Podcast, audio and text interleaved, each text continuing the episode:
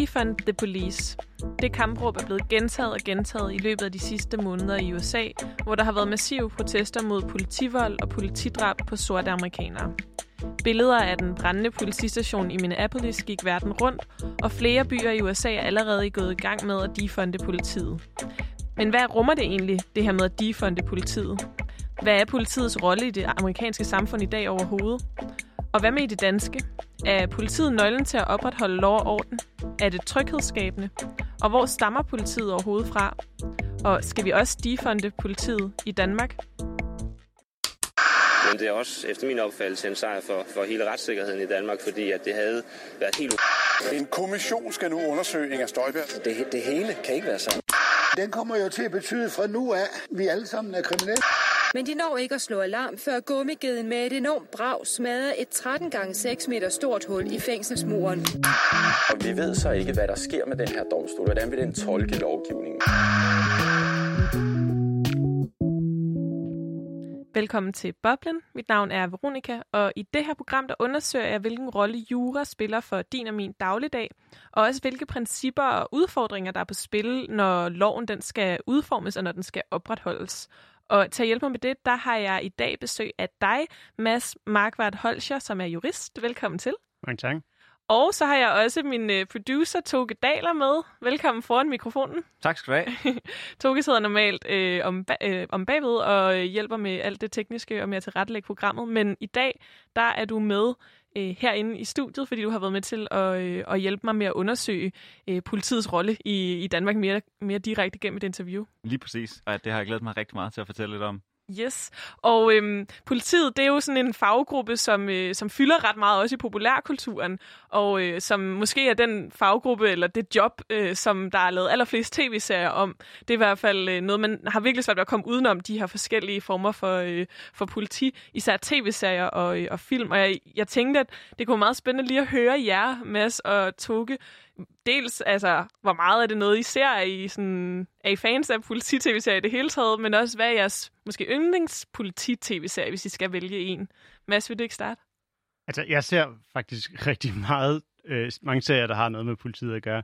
Jeg tror, så du vælge en yndlings med den, der har, den har flest minder omkring. Jeg kan huske, jeg har set den med mine forældre, og jeg har også set den siden hen, hvor jeg havde nogle venner, der havde den på VHS. Det er rejseholdet. Øh, det, det, det gør så noget helt særligt for mig.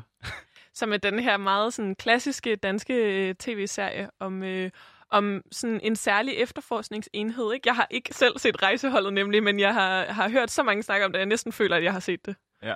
Ja, de bliver tilkaldt, når der sker nogle, nogle bestialske mor og alle mulige alvorlige ting, og så kommer de kørende fra København ud i hele Danmark. Og hvad med dig, Tukke? Øh, altså, jeg er slet ikke så meget til serier i virkeligheden, eller til fjernsyn, men, men jeg har øh, mit hjerte, det banker for The Wire, som er, som er en, en helt fantastisk øh, serie, som handler om livet i Baltimore, og som blandt andet følger øh, en politiafdeling, og, øh, og hvordan de prøver at løse alle mulige problemer, og de skaber som regel flere problemer for sig selv, end de løser og sådan noget. Men den er meget, øh, meget sådan, ja, poetisk fjernsyn. ja, øh, og det er jo sådan, der er jo mange forskellige afarter af de her forskellige sådan politi-tv-serier. Jeg har set øh, den, der hedder Brooklyn Nine-Nine, som mere sådan en komedie, men hvor det også foregår på en politistation. Øhm, og så har det sådan en hel masse, så har det også en masse skøre sager og er, er totalt øh, gakket, når de skal opklare dem. Og det handler også meget om sådan kontormiljøet på det der, den der politistation. Øh, så der er en del forskellige. Jeg har lige fundet et klip, der sådan kan indfange en af de slags stemninger, der kan være i sådan nogle politiserier, og, det, og politifilm, det er fra en film, den hedder Journal 64, og det er fra afdeling Q-serien, og der kommer lige et klip her.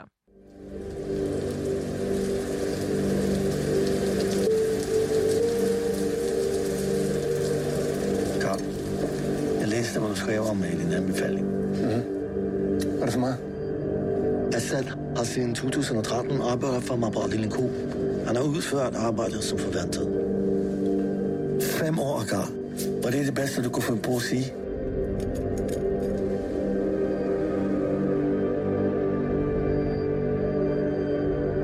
Er du okay med, at jeg tager væk, mand? Ja. Vi kolleger på en politistation. Kolleger på en politistation. Er det det, vi er?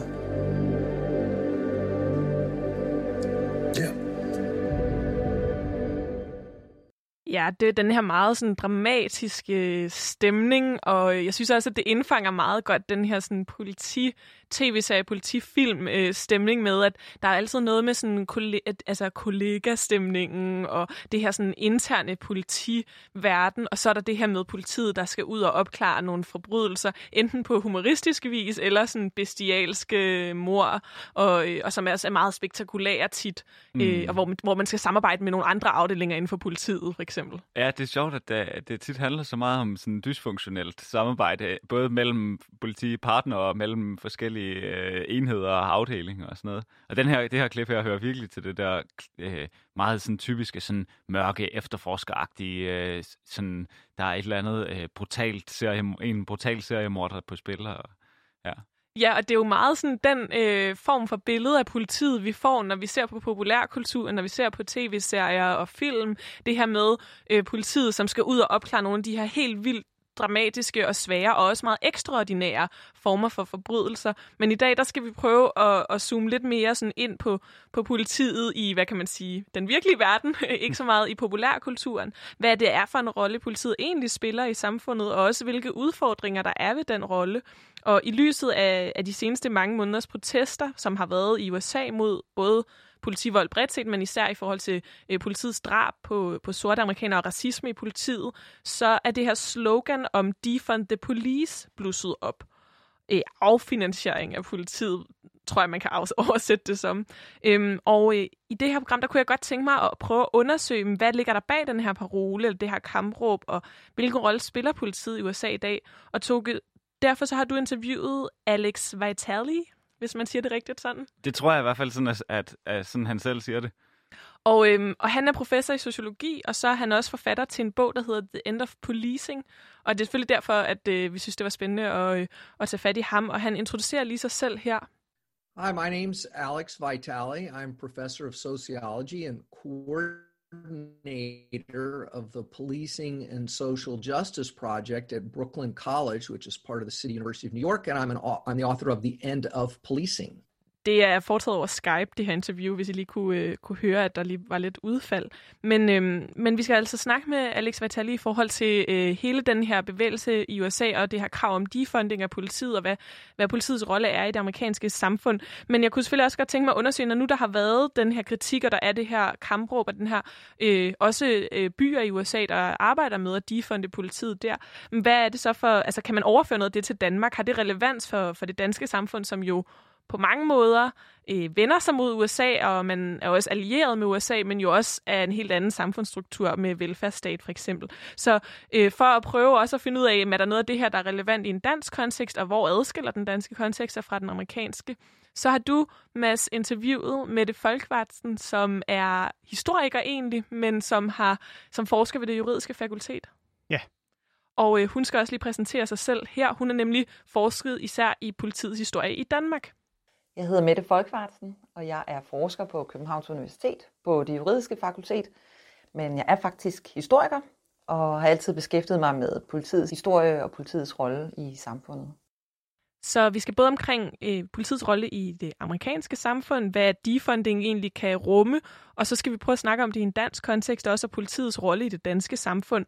Og øh, hvis vi sådan lige skal sådan kort afklare også øh, politiets sådan mere, hvad kan man sige, overordnede rolle, Mads, kan du så fortælle, hvor er politiet placeret i det juridiske system, kan man sige, i forhold til sådan den måde, vi har indrettet vores, øh, vores retssystem på? Ja, det kan jeg godt. Øh, altså, fordi det her med, hvad politiets rolle egentlig er, det kommer vi tilbage til, for det er faktisk lidt mere komplekst end som så. Men, øh, men i grundloven, der har man jo magtens tredeling. Man har den lovgivende, man har den dømmende, og så har man den udøvende magt. Og der er, der er politiet helt klart en del af den udøvende magt. De skal ligesom være med til at opretholde loven og, og og spiller ligesom den rolle som en del af magten, øh, statens magtdeling. Øh, mm.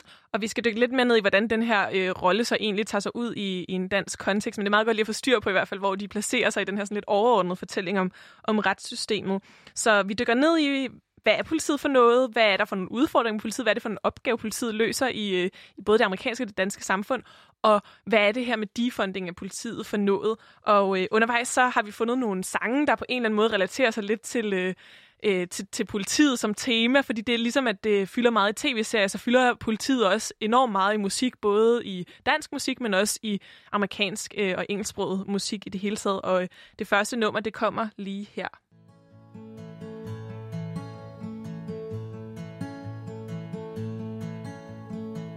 My name is Joe Roberts.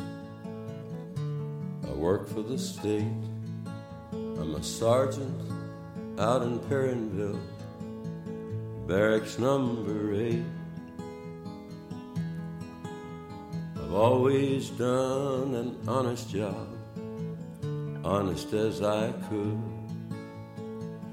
Got a brother named Frankie. Frankie ain't no good.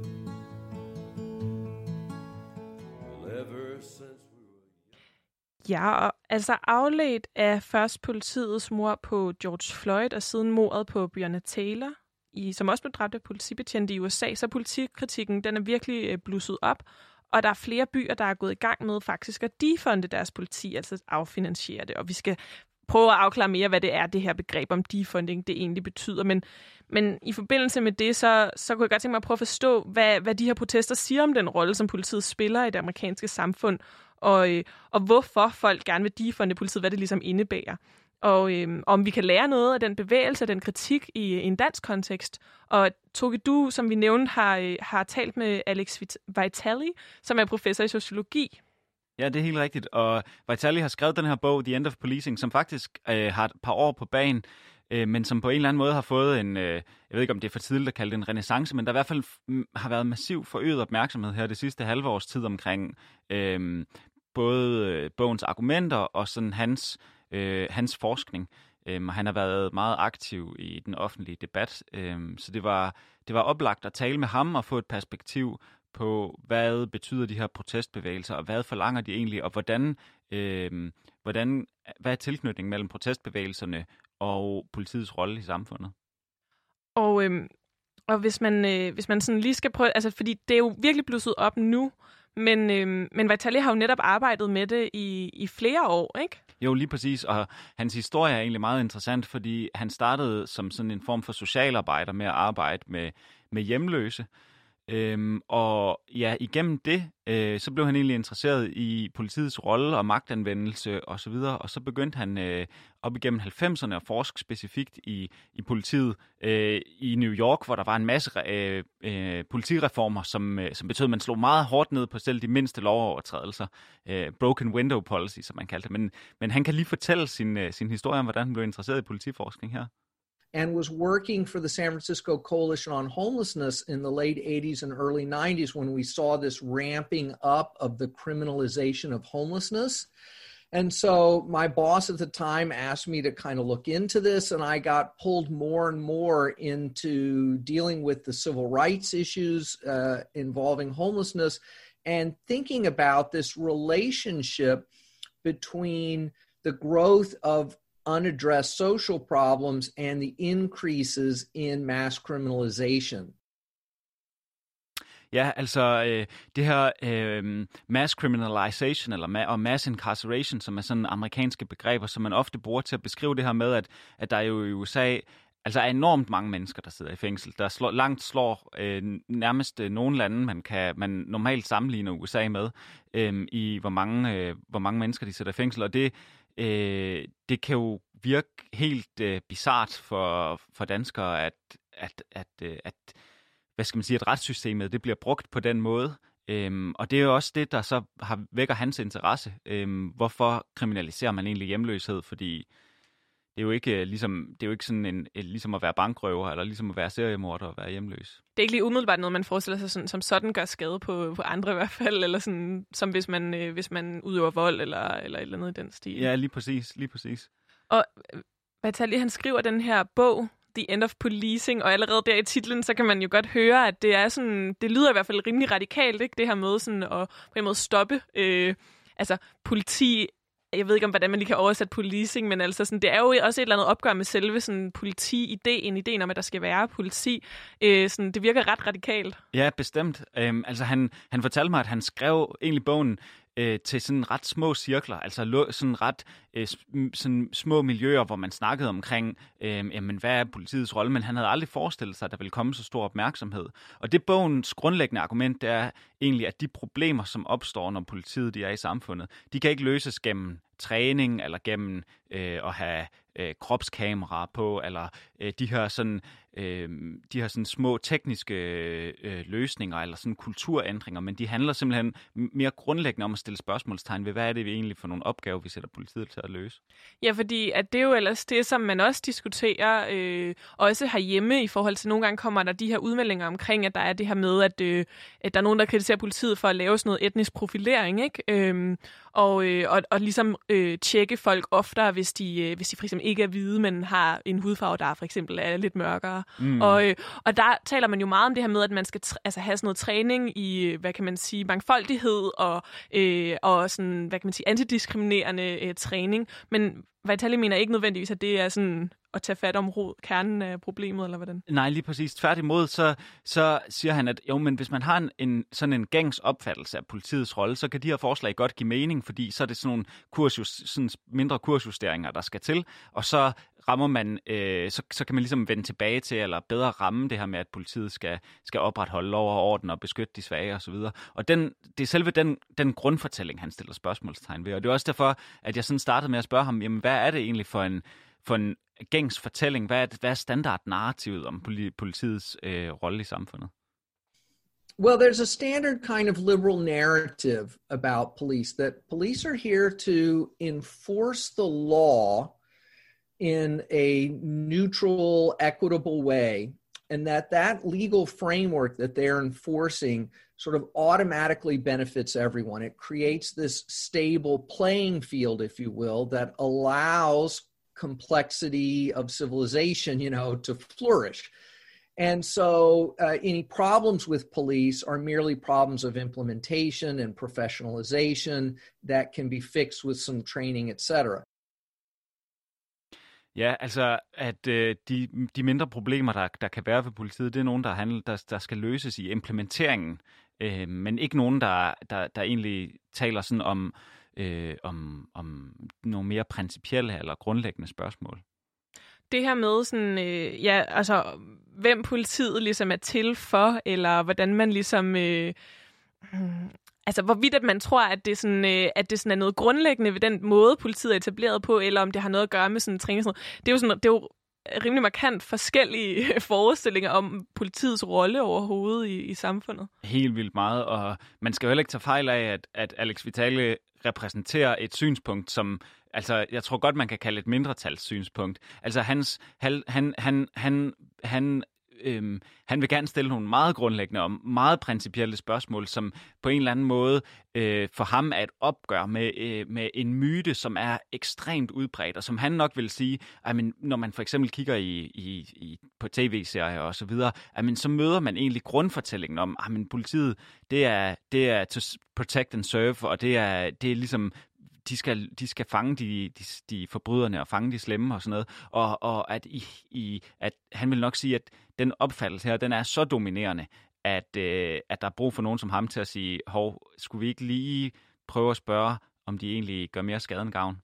Og, øh, og det skal vi prøve at dykke lidt med ned i, hvor det er, han finder nogle af rødderne til øh, den her opfattelse, og måske også modfortællinger om, hvordan politiet overhovedet er opstået, i, i hvert fald i en amerikansk og engelsk kontekst.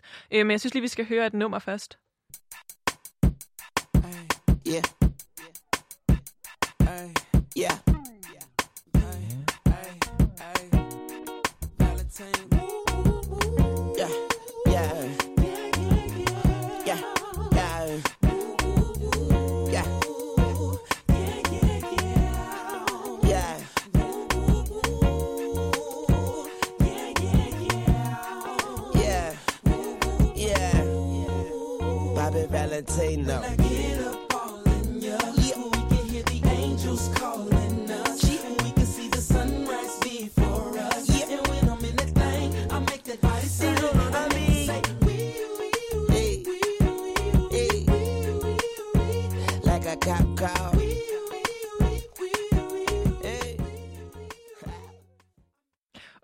Men vi skal prøve at, at dykke lidt mere ned i, hvor det er, øh, Vitale han finder, øh, hvad kan man sige, sådan rødderne til den her opfattelse, og hvad der egentlig er sådan den historiske årsag til, at, at politiet findes i en, i en engelsk-amerikansk øh, sammenhæng. Lige præcis. For, for ham er det fuldstændig altafgørende, at man kigger på, jamen, hvad er egentlig rødderne? Hvorfor var der nogen, der tænkte første gang, at oh, vi har egentlig brug for politi? Øhm, hvem var det, de var ansat af der? Hvad for nogle grundlæggende opgaver havde de, da politiet opstod? Og at man så følger den historiske udvikling, og at det kan øh, sige en øh, noget om, hvad, hvorfor at der er konflikter med politiet og problematisering af politiet i dag. So my argument is is a little bit different. I think if we look at the historical record, we see that that police are created ar- around 200 years ago, mostly to manage the problems that emerge in relationship to regimes of exploitation.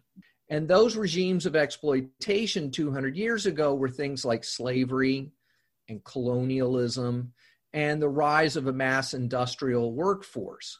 And so policing emerges in places like London and Charleston, South Carolina, right, to, to manage the potential for slave uprisings, for widespread disorder in the rapidly expanding, you know, London metropolis, uh, to, to manage colonial uprisings in Ireland and the Philippines and places like that. Um, and so if we understand that police are a tool not for producing, in some simplistic sense, a legal order that benefits everyone, but as a tool for facilitating regimes of exploitation, then we have a lot more clarity about why they do some of the things they do. That that they're interested in producing order, mm-hmm. but that that order, which may or may not be tied to the law, that order does not benefit everyone equally there, there's a famous 19th century saying by Anatoly French that the law in its majesty forbids both the rich and the poor from sleeping under bridges, stealing bread, and begging in the streets. Ja, jeg synes, det er et, et, et ret sjovt og sådan indsigtsfuldt citat, øh, Vitali slutter, slutter med her, at Øh, det kan godt være, at loven den gælder for alle, og den gælder lige meget for alle, men det betyder måske ikke så meget, hvis man ikke kigger på de udgangspunkter, folk har. For eksempel, om man går sulten i seng eller ej. Det har nok ret stor betydning for, om man stjæler brød i supermarkedet. Ja, og det er jo også en ret anderledes fortælling, end den man normalt møder om, øh, om politiet. Det her med, at det også har haft et udgangspunkt som sådan en, et led i og sådan, hvad kan man sige, bekæmpe sådan oprør på forskellige måder, og sådan have en eller anden form for rolle i, i sådan, altså være dem, der ja, hvad kan man kalde det, sådan, der ligesom har ikke bare været lovens forlængede arm, men en bestemt del af samfundets forlængede arm. Mm. Helt klart. Og, og man kan sige, det, det står jo i skærende kontrast til den her idé om, at amen, kriminalitet, det er ligesom, der er enten er det nogle moralske brister hos folk, eller også så er der nogen, der ligesom gerne vil have nogle hurtige penge, men de gider ikke at arbejde for dem, eller hvad det nu end kan være. Men folk, de træffer ligesom de her valg og bliver kriminelle, og så er det vigtigt at have i politiet, fordi så skal man ligesom kunne, kunne sætte ind imod det og kunne slå ned på det. Og, og til, til at sige, nej, faktisk så, så er politiet egentlig sat i verden for at holde øh, befolkningen nede, hvis de protesterer over deres øh, arbejdsvilkår, eller vil have politisk forandring, eller sådan noget. Altså, det er jo virkelig to forskellige måder at se historien på. Helt klart, og altså, det er jo også, når Vitaly nævner sådan, politiets opståen, så handler det jo også om en tid, hvor man kan sige, der har været nogle meget, meget tydelige sociale hierarkier. Der har blandt andet været mennesker, der var slavegjorte, der har, øh, der har været sådan meget markante klasseskæld, kan man sige, men, men samfundet har jo ændret sig ret meget, så, så jeg tænker, at politiet i en eller anden grad må vel også have sådan tilpasset sig det nye samfund, eller man kan sige. Jamen, det er, en, det er en rigtig god pointe, fordi man, altså, selv hvis man, man ej, ligesom accepterer det her med, at okay, politiet blev, blev ligesom opfundet til at tæve demonstranter, hvis man, det er lidt karikeret, sådan udgave af hans synspunkt, ikke? men hvis man accepterer det, så, så vil man jo stadigvæk sige, okay, men der er jo tydeligvis øh, samfundet anderledes i dag, og politiet har jo også ændret sig, og det er jo ikke alle historiske funktioner i samfundet, der ser ud, som de gjorde øh, for 200 år siden. Nej, lige præcis. Øhm, og det det tror jeg også, han vil acceptere, men så vil han sige, at men den måde samfundet det, det har ud, øh, udviklet sig på, har skabt nogle nye slags politiske og sociale problemer. Og i overvejende grad i USA er politiet blevet sat til at løse dem. Og derfor har politiets øh, rolle ændret sig. Øh, det, det vil han nok godt medgive, men det har, end, det har ændret sig på en måde, hvor det egentlig stadigvæk ligesom bliver brugt til at løse problemer med øh, øh, underklassen, løse problemer, som kommer ud af et ulige samfund, løse problemer, som kommer ud af samfundskonflikter. Created this massive declining middle class, this growing underclass uh, that is disconnected from formal work. And this has produced things like mass homelessness in the United States, mass untreated mental health and substance abuse problems as we hollow out the state, cut essential health and social services, safety net services. We have failing schools. We have widespread uh, economic precarity that drives people into black markets of drugs and sex work and stolen goods. And what police do is they manage exactly those problems. If you if you actually spend time, if you do like a time study of how police spend their day, they're responding to homeless people, responding to someone having a mental health crisis, trying to manage drug markets, patrolling the halls of schools. Uh, they're not chasing bank robbers. They're not finding hidden serial killers. You know, this is the stuff of television entertainment, but but it has nothing to do with what police actually do all day. De sidste 40-50 år cirka angiver Vitali som sådan tidsperioden, jamen der er der opstået nogle samfundsproblemer. Han nævner, men, men der er um, øh, mange at tage men han nævner særligt øh, graden af hjemløshed, øh, ubehandlet øh, psykisk sygdom, Øhm, han nævner øh, selvfølgelig narkotika og sådan øh, afhængighedsepidemier i USA, og han siger, at alle de her øh, politiske problemer, som kan løses på alle mulige måder, jamen de skaber nogle, noget uro øh, i samfundet, og det er politiet blevet sat ind til at løse, og, og det fører ikke gode ting med sig. Og det er jo, som han også selv adresserer i det her klip, det her med, at det, at det står måske i kontrast med, til tv-seriefortællingen, ikke? Altså, som han selv siger, det er sådan ideen om, at, at politiet er, er ude og jage øh, sådan seriemorder, at det er sådan en... Øh, det er sådan en tv-serie-logik. Mm. Øh, og, og det synes jeg er ret interessant, det der med, at han, sådan, han i virkeligheden så, men, så argumenterer han for, at politiet bruger faktisk, selvfølgelig er det måske også noget, de gør, men politiet bruger det meste af deres tid på at blive kaldt ud til nogle, øh, nogen, der for eksempel har klaget over, at der er nogen, der tigger, eller nogen, øh, der er i konflikt med hinanden. Eller, altså, så det er mere de her, hvad kan man sige, sociale problemer, mm. som politiet bruger størstedelen af deres tid på, hvis jeg forstår ham rigtigt. Helt klart, helt klart. Og Øhm, apropos tv-logikker, så er The Wire måske en af grundene til, at jeg godt kan lide det, lige, fordi den her tv-serie, den lige præcis illustrerer øh, meget sjovt, at der er alle mulige politiske hensyn, og der er alle mulige politiske problemer, og der er alle mulige forhold til lokalsamfundet, som egentlig gør, at, at de sådan gode politibetjente, som, som er dygtige, og som gerne vil øh, fange de egentlige kriminelle, jamen de får slet ikke nogen ressourcer og noget tid til det. Øhm, og det, det, det, det, den, øh, den sådan skildring af, af sådan et stort apparat, som ligesom på en eller anden måde minder meget lidt om, om sådan de her mere romantiske efterforskere. Det, det, det er det billede, han tegner. Og altså nu nævnte jeg jo øh, i min sådan, indledning til programmet noget af det, jeg også synes var interessant ved også, at, øh, at du har snakket med, med, Vitali, det er det her med sådan, de her protester, der har været hen over sommeren, og det krav, der så deraf er kommet, altså, som afledt af politiets drab af sorte amerikanere, som altså, så sådan, altså den, hvad kan man sige, den voldsomste form for, for politibrutalitet, ikke? at folk rent faktisk bliver dræbt af politiet, som jo egentlig er sat umiddelbart i fortællinger altså sat i verden for at beskytte os. Der er ligesom kommet de her protester, men protesterne handler også om en kritik af politiet som organisation eller institution, og sådan det her krav om at defunde. Hvordan forstår Vitali de her øh, protester i forhold til hans analyse af politiet? Mm, altså, det er et godt spørgsmål. Øhm, man kunne godt få indtryk af, hvis man følger lidt, øh, hvis man øh, ligesom følger med i nyhederne, at, at protesterne er ret direkte reaktioner på de her øh, meget brutale, øh, sådan øh, enkelte begivenheder. Øhm, og det er det jo selvfølgelig også i, sådan, i den forstand, at der er en udløser-effekt. Men Vitali sætter det også i kontekst af, at nej, det meste af utilfredsheden, øh, det, det i virkeligheden øh, simrer meget dybere og, og, og har, trækker tråde, der ligesom øh, ikke kun handler om det konkrete møde med en politibetjent, som der bruger sin våben uden at skulle det, men det faktisk handler om sådan en grundlæggende frustration over samfundets uretfærdighed, og over hvordan at politiet overhovedet sådan opererer Og det, det spurgte jeg ham nemlig også om. You know, when we look back at the protests of the 1960s in urban America among African American riots, protests, uprisings, uh, most of those were triggered by acts of, of police misconduct. But no one today thinks that those protests were just about policing. Everyone understands that policing was a factor and was often a trigger that focused anger and, and you know led to the eruption of these things. Um, and I think the same is true today, right? That this is not just about policing.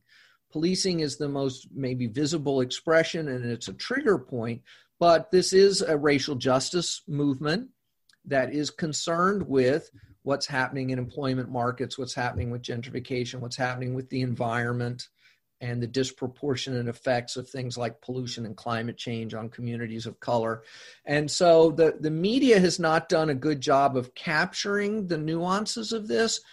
But within movement circles, within organizing, there there's a lot of clarity about the the breadth uh, to which this is a, a broader racial justice movement. Ja, så kort fortalt, altså selvfølgelig er protesterne en direkte reaktion på, på de her brutale mor, øhm, men det stikker også dybere. Jeg synes, det er meget interessant, den der eksempel, han bruger med borgerrettighedsbevægelsen, hvor der også har været øh, protester imod nogle meget specifikke, ligesom enkeltsager, men i dag i et historisk øh, kontekst, så kan man jo klart se, at, at det handler om, jamen, hvordan er samfundet egentlig indrettet, og så bliver politiet og politiets rolle ligesom en, en proxy for at diskutere det. Og så er der jo kommet det her øh, specifikke krav, defund the police, affinansiering, kan man måske oversætte det som, som jo også handler om noget mere systemisk, eller hvad man kan sige, hvad er politiets rolle overhovedet, hvor stor en rolle skal de spille i samfundet. Men hvad, hvordan skal man helt konkret forstå det her øh, krav, eller den her, det her kampråb? Altså, forestiller folk sig, at man fuldstændig afskaffer politiet, eller hvordan? Ja, ja det er et godt spørgsmål, jeg tror, det betyder øh, mange forskellige ting, afhængig af præcis, hvem der bruger det, i hvad for en sammenhæng det bliver brugt. Men, men hvis man øh, har... Øh, Vitales øh, kommentar omkring det her med, at politiet bliver brugt til at løse flere og flere problemer, i mente, så giver det måske meget god mening at tænke på det på den måde, at jamen, hvis man skal lære ned, hvad sætter man egentlig politiet til at løse, og hvad betragter man egentlig som andre slags politiske spørgsmål, så kommer man et lille skridt hen i den rigtige retning. Øhm, men jeg spurgte ham selvfølgelig også om, jamen, hvad, hvad mener folk egentlig, når de siger uh, defund the police?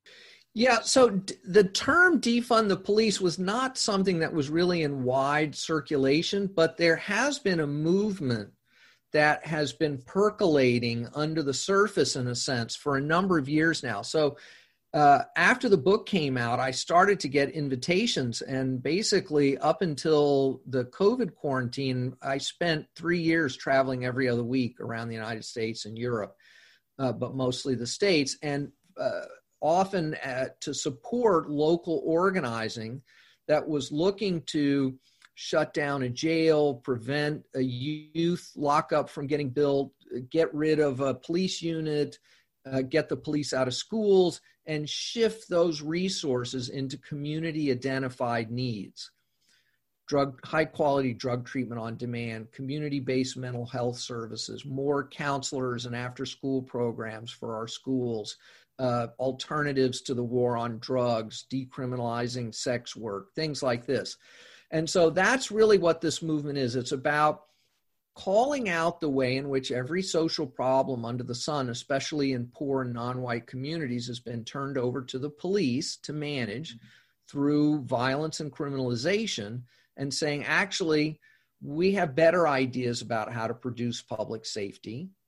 Ja, der er alternativer til den måde, det foregår nu, er egentlig hans, øh, hans grundlæggende pointe. Øhm, og det er jo svært, når man hører de her historier, når man ser på, hvad der formentlig for de fleste danskere vil opleves som altså et, et ret dysfunktionelt system, og tænke, hvad betyder det for Danmark, eller er der noget, der kan overføres til Danmark, eller mange vil måske også sidde tilbage og tænke, bare godt, jeg ikke bor i USA.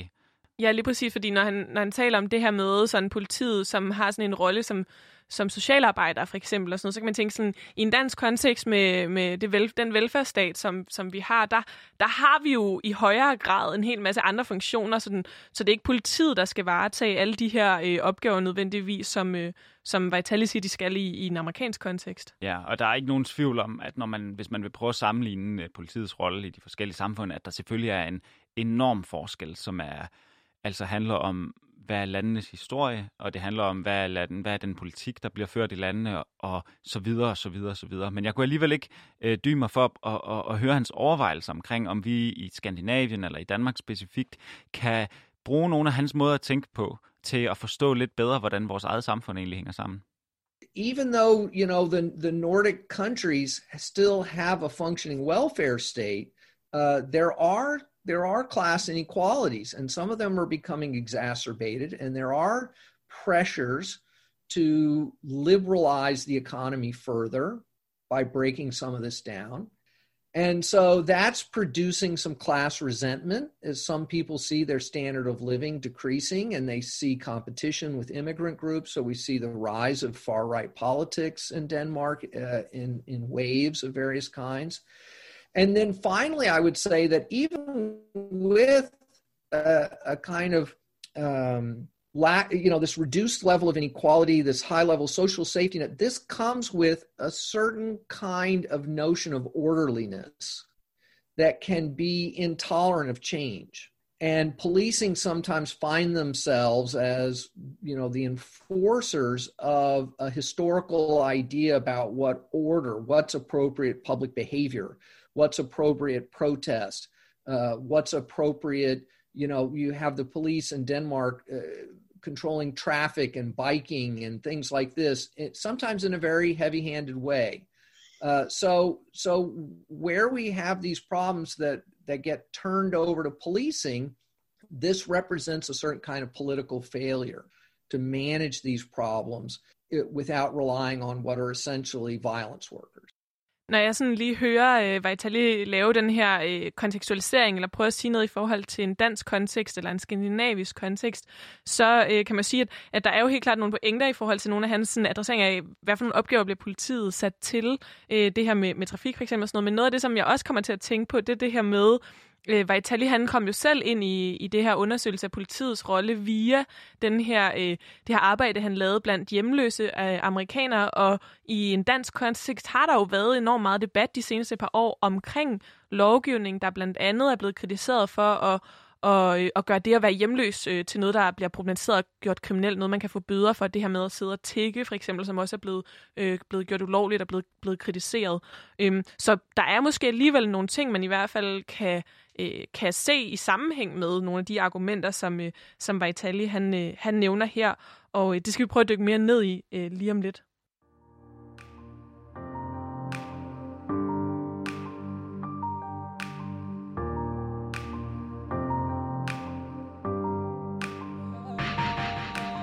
Alt den drama gør jeg altid ved huske det på jagt efter sædler der blodskudte Hvis du er shofi, så skub det, skub det. Ja, ja, skal skynde mig væk, for nu kommer pulle Alt den drama gør jeg altid ved huske det. Du lytter til Boblen, hvor jeg, Veronika, i dag undersøger kravet om defunding af politiet i USA, hvad det indebærer, og om vi kan lære noget af den kritik af politiet her i Danmark. Og jeg har netop haft min producer Toge Daler med, som har talt med professor i sociologi Alex Vitali om hans bog The End of Policing, og om politiets rolle i USA. Og, øh, og noget af det, som Alex Vitali især snakkede om, det er det her med, hvordan at politiet også får en rolle i samfundet, i det amerikanske samfund, hvor de skal løse en masse opgaver, der ikke nødvendigvis er at jagte forbrydere, øh, jagte seriemorder, som man måske ser i tv-serierne, men også en masse sociale opgaver, der handler om hjemløshed, om stofmisbrug, om psykisk sygdom, øh, som man måske i en dansk kontekst kunne tænke i højere grad var andre øh, funktioner i samfundet, der skulle, der skulle, øh, der skulle understøtte og hjælpe med.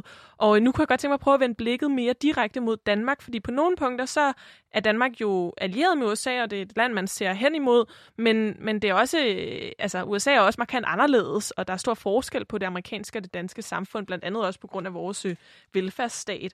Så spørgsmålet er, om de her tanker om defunding af politiet, om de overhovedet er relevante i en dansk kontekst, og hvordan det måske også adskiller sig. Og derfor så har du, øh, Mads Markvart Holscher, som jeg har med igen. Du var med lige i starten. Jeg har igen.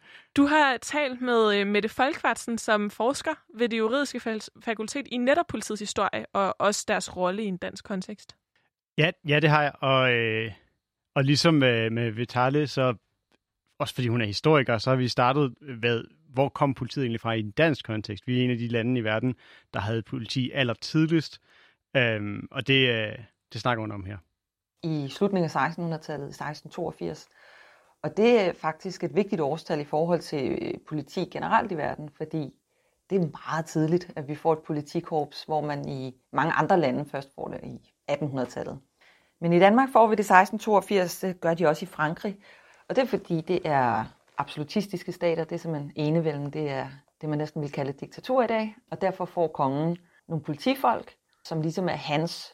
Det er ikke øh, de slags politi, vi kender i dag, som skal opklare kriminalitet og hjælper borgerne. Det er hans personlige håndlanger, og de er fordrukne. De bliver anklaget for voldtægt og alle mulige ting, men øh, det er da ikke noget, man sådan reagerer på. Så det, det er noget andet politikorps.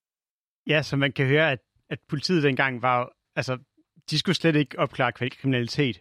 Øh, I virkeligheden så var det egentlig øh, kongens behov for at kunne øh, styre og regulere økonomien, som var den primære årsag til, at man fik, øh, fik et politi. De skulle ud og, og regulere, at, at brødet blev bagt i den rigtige størrelse og sådan nogle ting, fordi man havde en økonomisk politik, som kongen gerne ville kunne ligesom have, sætte magt bag sine ord øh, og sørge for at blive fuldt ude i samfundet. Så det var egentlig derfor, man fik politiet. Øhm, og alt det her med kriminalitetsbekæmpelsen, det var, øh, havde slet ikke noget med det at gøre.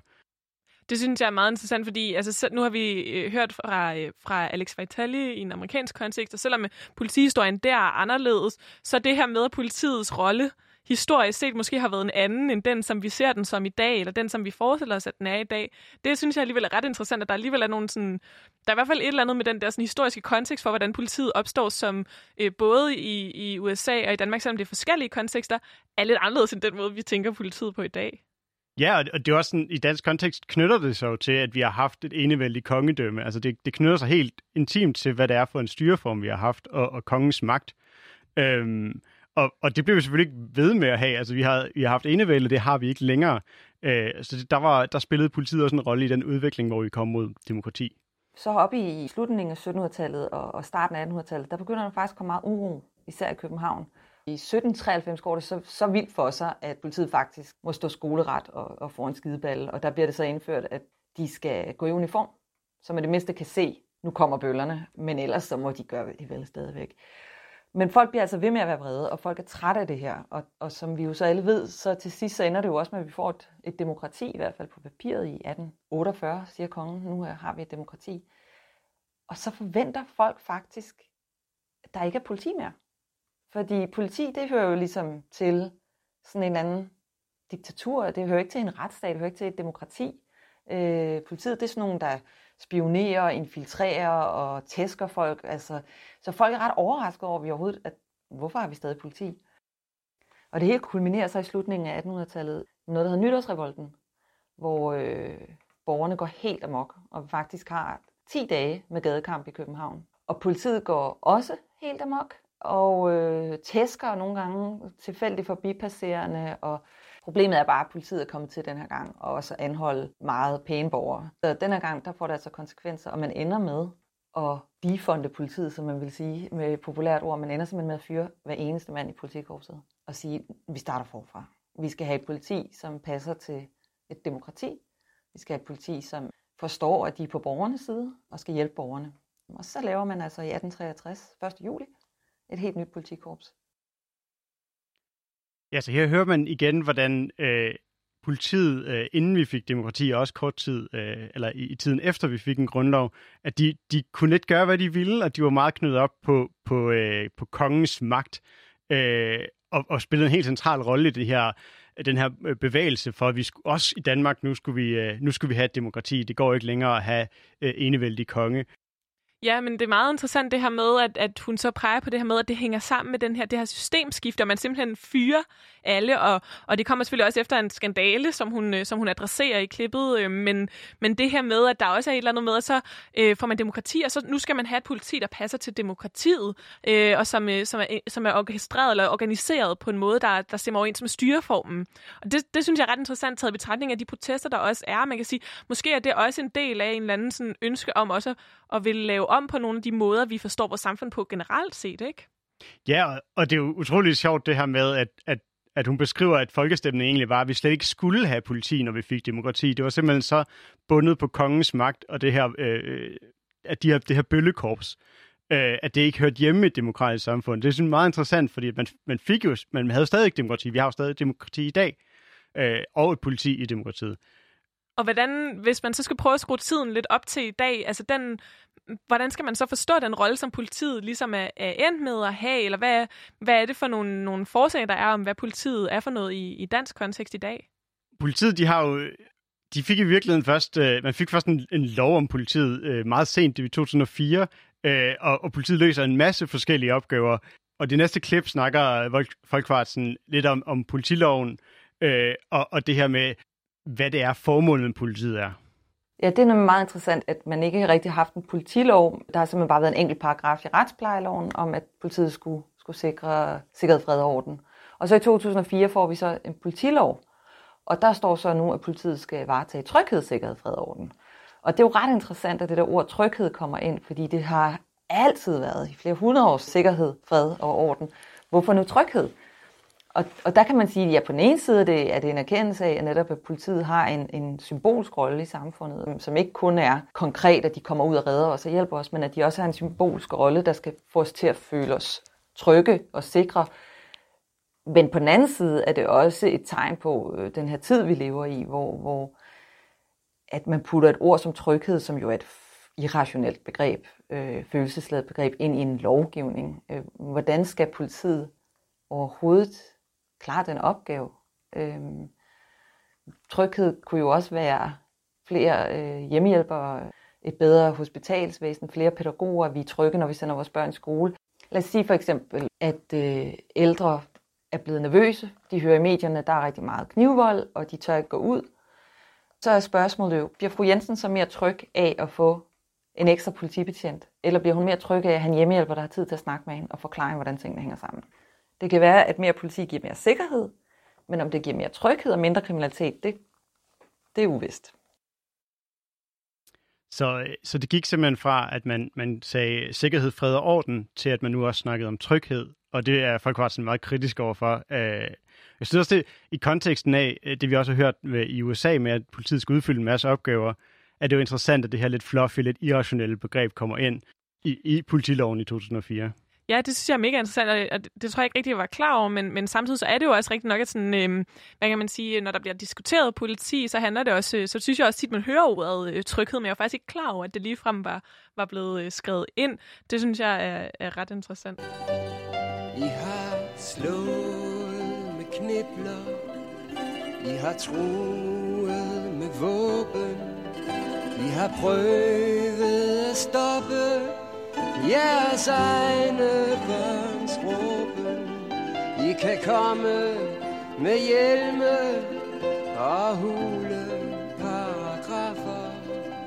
Men I burde snart kunne indse, det er selv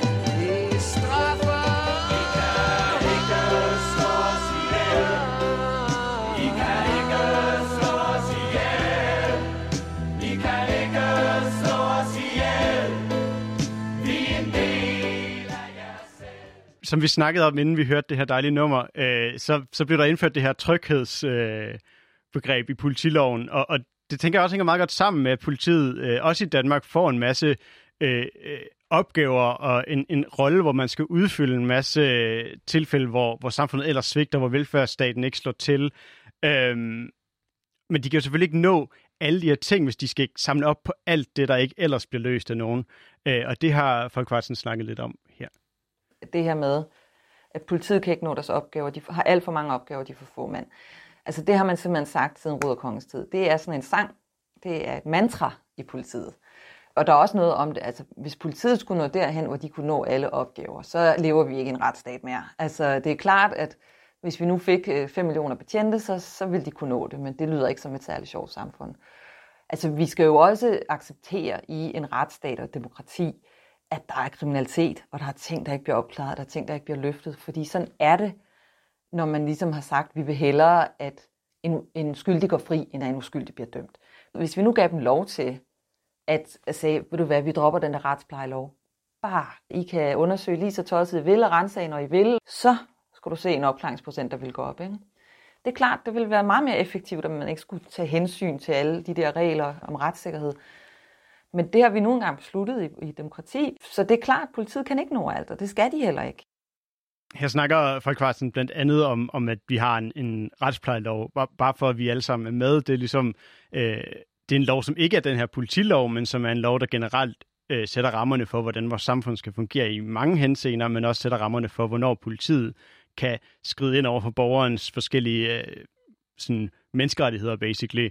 Øh, hvornår, de kan, hvornår de kan rense ens øh, hus, hvornår de kan øh, anholde en, øh, frihedsberøve en, og alle mulige forskellige øh, begrænsninger af, af, af politiets magt. Ja, og, og det, er jo, øh, det er jo også fordi, at hvad kan man sige, det er jo også ret exceptionelt, altså den her instans politi har jo enormt meget magt, altså det er ligesom, man kan også, nogle gange taler man om, om voldsmonopol, altså det er ligesom dem, der har, har lov til øh, og, øh, og, og for eksempel trække kniblerne, hvis der er, hvis der er voldsomme øh, sammenstød og sådan nogle ting, ikke? Så, så der er jo også en, en stor magt hos politiet, som også øh, jo har den her risiko i sig øh, for at blive misbrugt. Ja, og, og, og det er også en af de ting, som der er, er snak om, og som der hele tiden sker forskellige ændringer og lempelser af, hvornår, hvornår, hvor grænserne går, hvor at politiet kan flere og flere ting. Nu bliver der givet øh, flere og flere midler til politiet, for at de ligesom skal kunne løse de her opgaver, de har. Øh, og en af, de, og en af de ting, som, jeg, som vi ikke lige rigtig har sådan snakket så meget om endnu, det er jo øh, det her med kriminalitetsbekæmpelse. Øh, og det har Mette også snakket lidt om. Den her mytiske idé om, at, at løsningen på kriminalitet er politi. Og, og det ved vi jo godt, og det ved politiet også, at, at sådan fungerer det ikke. Altså, kriminaliteten er faldet drastisk siden 90'erne i hele den vestlige verden. Og vi ved, at det har ikke noget med politi at gøre som sådan. Der er nogle helt andre faktorer, der spiller ind, som er meget komplekse. Det er vi ret sikre på efterhånden alle sammen, at kriminaliteten falder ikke, fordi vi har mere politi. Så igen, så skal vi op i sådan noget det tredje rige, øh, eller, eller øh, under Sovjetunionens, eller et eller andet, så, så kan man godt sige, altså hvis du er helt derop og har et politi, som jo så er kriminelt, så har du ikke kriminalitet blandt befolkningen. Så er det bare staten og politiet, der er kriminelle, ikke?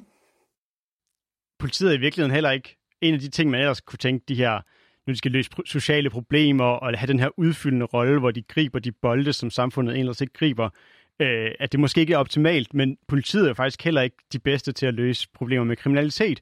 Øh, Folkekvarsen kom med den her lidt interessante pointe om, at, at jo flere betjente, og måske også koblet til det, vi snakkede om før med, med begrænsninger af politiets magt, hvis man ligesom fjernede dem, hvis man bare gav dem flere betjente, så ville det også helt fundamentalt ændre, hvad for et samfund vi havde. Øh, og måske er det ikke rigtigt den vej, vi har lyst til at gå. Nej, så netop det her med, at, at altså politiet har ligesom fået en, øh, en rolle i, øh, i samfundet, som er, er en anden end den, der var oprindeligt, da man ligesom var under den enevældige konge, som er i, i højere grad jamen, altså knyttet direkte an til, til demokratiet, og den her sådan, magt, som politiet har mulighed for at, at udøve, som måske også kan sættes i, i anvendelse i situationer, hvor at andre giver op. Men det betyder ikke nødvendigvis, at, øh, at mere politi vil føre til mindre kriminalitet. Det synes jeg er en ret interessant pointe, fordi det er jo tit det, der bliver diskuteret politisk også, det her med, skal man have flere midler til politiet, flere øh, betjente, og, og der er jo så modparten, der siger det her med defund the police. Vi skal ikke have flere betjente, selvfølgelig i en amerikansk kontekst, men altså i en dansk kontekst kan man måske også godt lade sig, lade sig på en eller anden måde øh, inspirere til i hvert fald at forholde sig til, hvordan politiets rolle er i, øh, i dag.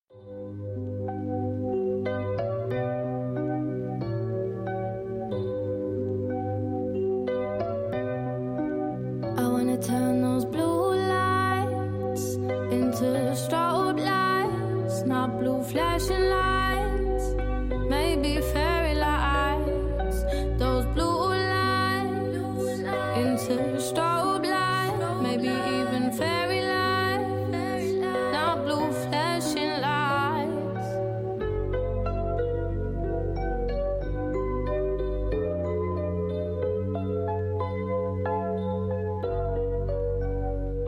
Don't you run.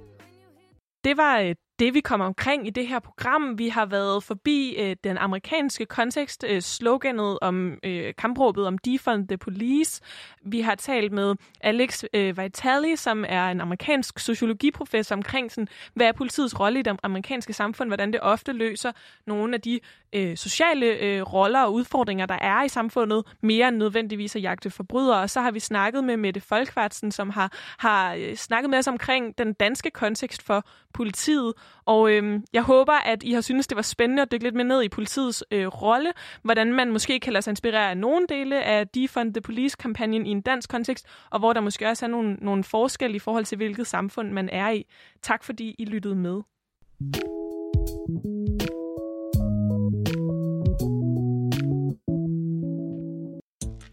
Du lyttede til Boblen. Programmet er produceret af Danske Studerendes Fællesråd. Programmets værter var Mads Holscher og Veronika Schulz, og programmets redaktør var Toge Daler, som også var med inde i programmet. Musikken er produceret af Esben Kjeldsen Krav, og vi spillede klip fra filmen Journal 64.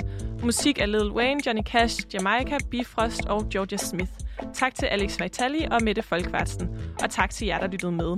Skriv endelig ind til os, hvis du har nogle spørgsmål til jura, lovgivning og retssystemet, eller hvis du har undret over noget, som du har hørt jurister snakke om i forhold til jura. Så vil vi rigtig gerne høre fra dig, så vi kan lave et program om de spørgsmål, som du sidder med. Send spørgsmålene ind til boblen